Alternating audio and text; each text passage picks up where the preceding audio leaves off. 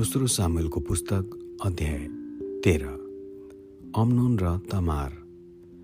दाउदका छोरा अब्सालोमकी तामार नाउँ भएकी एउटी सुन्दरी बहिनी थिइन् अनि दाउदका अर्का छोरा अम्नोन तिनीसँग प्रेममा फसे।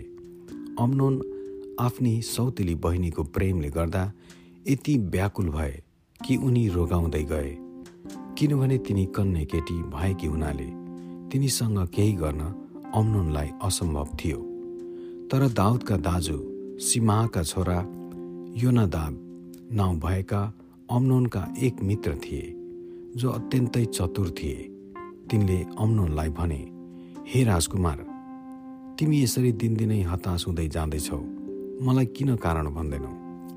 तब अम्नोनले उनलाई भने म मेरा भाइ अप्सोलमकी बहिनी तामारसँग प्रेममा फँसेको छु। योनादाबले तिनलाई भने बिरमा बिरामी छु भन्ने बाहना गरेर ओछ्यानमा सुतिरह। जब तिम्रा पिता तिमीलाई हेर्न आउँछन् तब तिनलाई भन कृपा गरी मेरी बहिनी तामार आएर मलाई मेरो खानेकुरा देओस्। त्यसले मेरै सामुन्ने त्यो पकाओस् र म त्यसले बनाएकी हेर्छु र त्यसकै हातबाट खानेछु। यसैले अम्नोन बिरामी परेको बाहना गरेर ओछ्यानमा सुतिरहे। जब राजा उनलाई हेर्न आए तब उनले भने हजुर मेरी बहिनी तामार आएर मेरै सामुन्ने केही विशेष रोटी बनाइदियोस् र म त्यसको हातबाट खान पाऊँ। दाउदले महलमा तामार कहाँ यसो भनेर समाचार पठाए। तिम्रो दाजु अम्नोनको कोठामा गएर त्यसको निम्ति खानेकुरा पकाइदेऊ। तामार तिनका दाजु कहाँ आइन् र उनलाई सुतिरहेका भेटाइन्। तिनले केही पिठो मुछेर उनको सामुन्ने रोटी पकाइदिन्। तब तिनले तावा लगेर अम्नोनको सामुन्ने रोटी हालिदिन्। तर अम्नोनले खान मानेनन्। तब अम्नोनले सबैलाई आफ्नो कोठाबाट जाने हुकुम गरे। जब तिनीहरू सबै गए तब उनले तामारलाई भने खानेकुरो मेरो भित्री कोठामा ल्याऊ र म त्यहाँ तिम्रो हातबाट खानेछु। आफूले बनाएका रोटीहरू तामारले अम्नोन कहाँ भित्री कोठामा लगिन्? तर जब तिनले अम्नोनलाई ती दिइन् तब उनले तिनलाई समातेर भने हे मेरी बहिनी आऊ मसित सुत। तर तिनले जवाफ दिन् होइन मेरो दाजै मेरो बेइजत नगर्नुहोस्। यस्तो काम इजरायलमा गर्नु हुँदैन। यस्तो निज काम नगर्नुहोस्। मैले मेरो अनुहार कहाँ गएर देखाउनु? अनि तपाईँ पनि इजरायलमा एक दुष्ट मूर्ख बन्नुहुनेछ। मेरो निम्ति राजासित कुरा गर्नुहोस्। अनि मसित विवाह गर्नलाई उहाँले तपाईँलाई इन्कार गर्नुहुने छैन। तर उनले तामारको कुरा टक्कै सुनेनन् र तिनलाई जबरजस्ती गरेर समाते र तिनको बेइजत गरी तिनीसँग सुते। त्यसपछि अम्नोनले तिनलाई अत्यन्त घृणा गर्न लागे। अम्नोनको अघिको प्रेमभन्दा अहिलेको घृणा धेरै थियो। अम्नोनले तिनलाई भने उठेर गइहाल। तिनले जवाफ दिएर भनिन् अह मलाई यसरी निकाल्नु त साह्रै दुष्ट कुरा हो। तपाईँले मसित गर्नुभएको कामभन्दा यो झन असहाय छ। उनले तिनको कुरा सुन्दै सुनेनन् र आफ्नो चाकरी गर्ने केटालाई बोलाएर भने यस आइमाईलाई निकालिदे। यसलाई बाहिर निकालेर ढोकामा आग्लो हालिदिए चाकरी गर्ने त्यस ठिटाले तिनलाई बाहिर निकालिदियो र ढोकामा आग्लो हाले लगाइदियो। तामारले विवाह नगरेकी राजकुमारीले लाउने लामो बाहुला भएको लुगा लगाएकी थिइन्। तामारले आफ्नो कपालमा खरानी हालिन्। आफूले लगाएको लामो बाहुलाको लुगा च्यातिन्। र कपालमा हात राख्दै रुँदै गइन्। तिनका दाजु अब्सालोमले तिनलाई सोधे के तेरा दाजु अम्नोन तसित थिए? तब चुप लागि बस। उनी तेरा दाजु हुन्। यस विषयमा साह्रै चिन्ता नगर अनि तामार आफ्ना दाजु अब्सालोमको घरमा एक त्यागिएकी स्त्री झैँ बसिन्। जब दाउद राजाले यी सब सुने तब तिनी साह्रै रिसाए। अब्सालोमले अम्नोनलाई असल वा खराब केही भनेनन्। आफ्नी बहिनी तामारलाई बेइजत गरेको कारण अब्सालोमले अम्नोनलाई घृणा गर्न लागे। अब्सालोमको प्रतिशोध।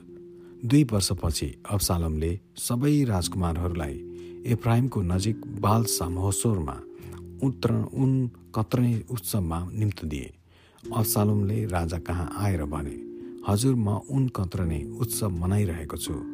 के राजा र उहाँका सेवाकहरू पाल्नुहुन्छ कि राजाले जवाफ दिए अह मेरा छोरा हामी सबै आएर तिमीलाई भार हुन चाहन्छौँ। अब्सालमले ढिप्पी गरे तर दाउद जानलाई राजी भएनन् र आफ्नो आशीर्वाद दिएर तिनलाई विदा गरे। तब अब्सालोमले भने हजुर आउन सक्नुहुन्न भने मेरा दाजु अम्नोनलाई हामीसँग आउन दिनुहुन्छ कि? राजाले सोधे त्यो किन तिमीसँग जानेर? तर अब्सलमले फेरि जिद्दी गरे। यसैले दाउदले अम्नोन र अरू सबै राजकुमारहरूलाई तिनीसित जान दिए। अब्सलमले आफ्नो मानिसहरूलाई यस्तो आज्ञा दिए मौका हेरी बस। अनि जब अम्नोन मातेर मस्त भएका हुन्छन् र म अम्नोनलाई मार भन्नेछु तब तिमीहरूले उसलाई मार्नु। डराउने केही काम छैन। यो मेरो हुकुम हो। हिम्मत गरी दृढ बस। अनि अब्सालमका मानिसहरूले तिनले भने झैँ गरे। तब सबै राजकुमारहरू हतार हतार आआफ्नो खच्चरमा चढेर घरतिर लागे।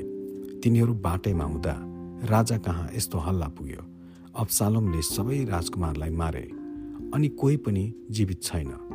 तब राजा उठेर आफ्ना लुगा च्याते र भुइँमा पस्रिए तिनका वरिपरि उभिएका नोकरहरूले पनि आफ्नो लुगा च्याते। तर दाउदका दाजु सिम्हाका छोरा यो नदाबले भने तिनीहरूले सबै जवान राजकुमारहरूलाई मारे भनी हजुरले नसम्झनुहोला। अम्नोन मात्र मारिएको छ। तिनकी बहिनी लामारलाई अम्नोनले बलात्कार गरेको दिनदेखि यसो अब्सालमको त्यो नियत जाहेर थियो।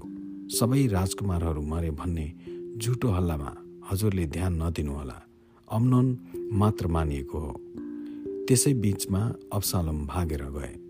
तब पहरादारले यसो मासतिर हेर्दा मानिसहरूको एउटा भिड हेरोम नै देखि डाँडै डाँडा तलतिर झरिरहेको देख्यो।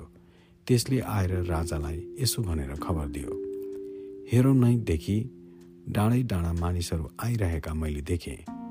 योना दाबले राजालाई भने हेर्नुहोस् तिनीहरू आउँछन् भनी मैले भनेकै राजकुमारहरू आइरहेका छन्। तिनले बोलिसक्ने बित्तिकै राजकुमारहरू भित्र आए अनि डाँको छोडी बिलाप गर्न लागे। राजा र तिनका सबै नोकरहरू पनि धुरुधुरु रोए। अब्सालम मसोस गसुरका राजा अमिहुदका छोरा तलमै कहाँ गएर शरण लिए तर राजाले दिनदिनै आफ्नो छोरा अम्नोनको निम्ति बिलाप गरे। गसुरमा भागेपछि अब्सालम तिन वर्षसम्म त्यहाँ बसे अनि अम्नोनको मृत्युबारे तिनको हृदयले शान्ति पाएपछि दाउदलाई फेरि अब्सालम कहाँ जान मन लाग्यो। Amén.